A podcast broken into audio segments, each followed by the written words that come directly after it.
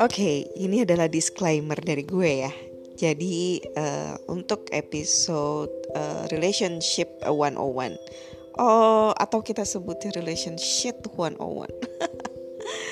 Well anyway, ini adalah based on pengalaman pribadi gue. Jadi apa yang gue alami belum tentu sama dialami oleh orang-orang lain Oleh kalian, oleh siapa pun yang mendengarkan podcast ini Tapi gue akan sharing cerita pengalaman gue dari sudut pandang gue. Dari apa yang gue rasakan, dari apa yang gue jalani dan bagaimana gue bisa melewatinya. Um, mungkin podcast gue ini akan lebih cocok didengerin kalau mau tidur sambil di tempat tidur sambil peluk guling atau peluk siapa aja. Nyalain AC terus selimutan. Ya hal-hal yang santai atau mungkin sambil minum kopi ya pokoknya didengerinnya harus sambil santai banget karena ini adalah cerita dan gue akan bertutur tentang apa pun yang pernah terjadi dalam hidup gue oke okay?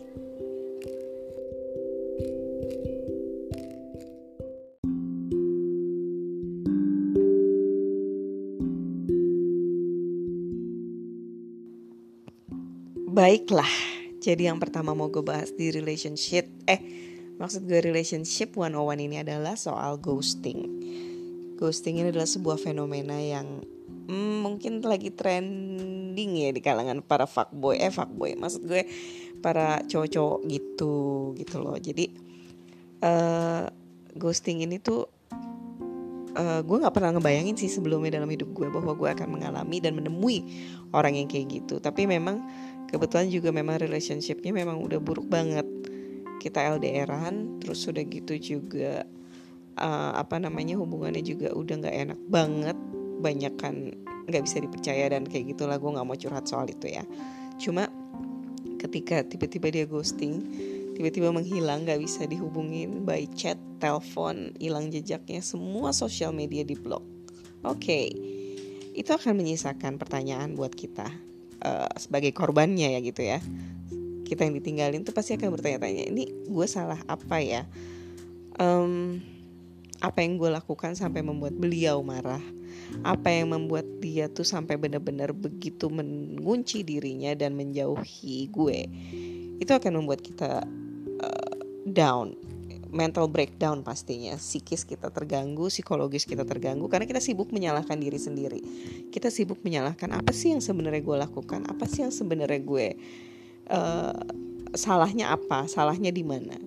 Karena semua relationship bentuk apa pun itu lebih baik diobrolin diomongin ketika emang udah nggak bisa dijalani ketika memang sudah terlalu menyakiti. Itu kan lebih baik dibicarakan. Karena uh, ending yang baik itu adalah sesuatu yang memang kita bahas gitu kan?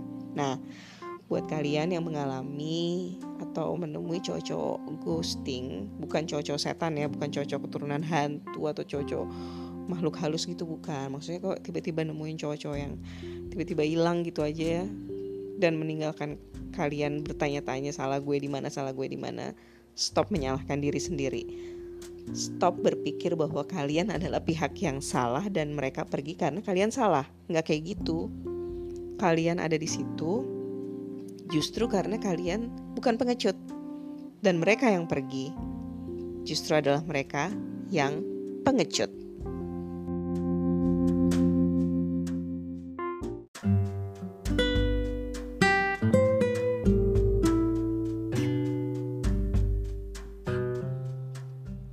Dalam hidup gue, gue pernah dua kali menjalani uh, jenis hubungan LDR. LDR itu adalah long distance relationship. Iya benar-benar shit sih kalau kata gue karena gue tuh gak bisa menjalani hubungan yang jarak jauh gitu. Uh, pertama nyoba, terus yang kedua begitu gue coba lagi, gue pikir gue udah bisa ternyata uh, fail, tetot, ya udahlah. Gue nggak menyesali, cuma memang um, kadarnya beda ya terus uh, semakin ke sini kita semakin belajar uh, bukan masalah ketidakpercayaan tapi memang ada individu tertentu yang memang hmm, sulit untuk uh, apa ya sulit uh, diterima dengan akal sehat kita sendiri sih sebenarnya secara logik. Uh, gue nggak akan bahas esensi apa pun dari hubungan itu, cuma LDR itu adalah satu hubungan yang memang kalau memang kalian committed untuk menjalaninya, ya modal yang paling penting adalah kepercayaan. Ketika kepercayaan itu rusak, gak akan ada yang bisa uh, menolong kalian dalam menjalani hubungan itu. Yang penting percaya aja. Nah, gimana kepercayaan yang kita berikan? Maksudnya sejauh apa kepercayaan itu bisa kita berikan? Ya sejauh memang pasangan kalian bisa dipercaya. Nah, gimana taunya ya? Itu kalian sendiri sih yang bisa uh, mempelajari dari pasangan kalian gitu kan. Cuma uh, ketika kita ngobrol, ketika apa ya berinteraksi dengan mereka dalam jarak jauh sekalipun, pasti kita akan tahu mana hal-hal yang logik dan mana yang aduh kayaknya nggak masuk akal banget deh gitu. Pada akhirnya kalian akan belajar menerima hal-hal yang eh, kadang-kadang sulit dimengerti gitu kan. Nah, bagaimana kita menanamkan kepercayaan ini sendiri ya itu juga belajar sih gue. Maksudnya gue belajar bahwa apa yang bergemuruh di hati dan otak itu kadang-kadang adalah buah pikiran kita sendiri bahwa kenyataannya tuh nggak kayak gitu. Kita overthinking. LDR itu akan sangat rentan overthinking ya kan? Karena apa? Ya karena kita jauh. Nggak bisa selalu dekat ketemu juga bisa berapa bulan sekali. Jadi memang banyak hal-hal yang memang harus kalian pikirkan banget banget untuk bisa menjalani hubungan LDR ini.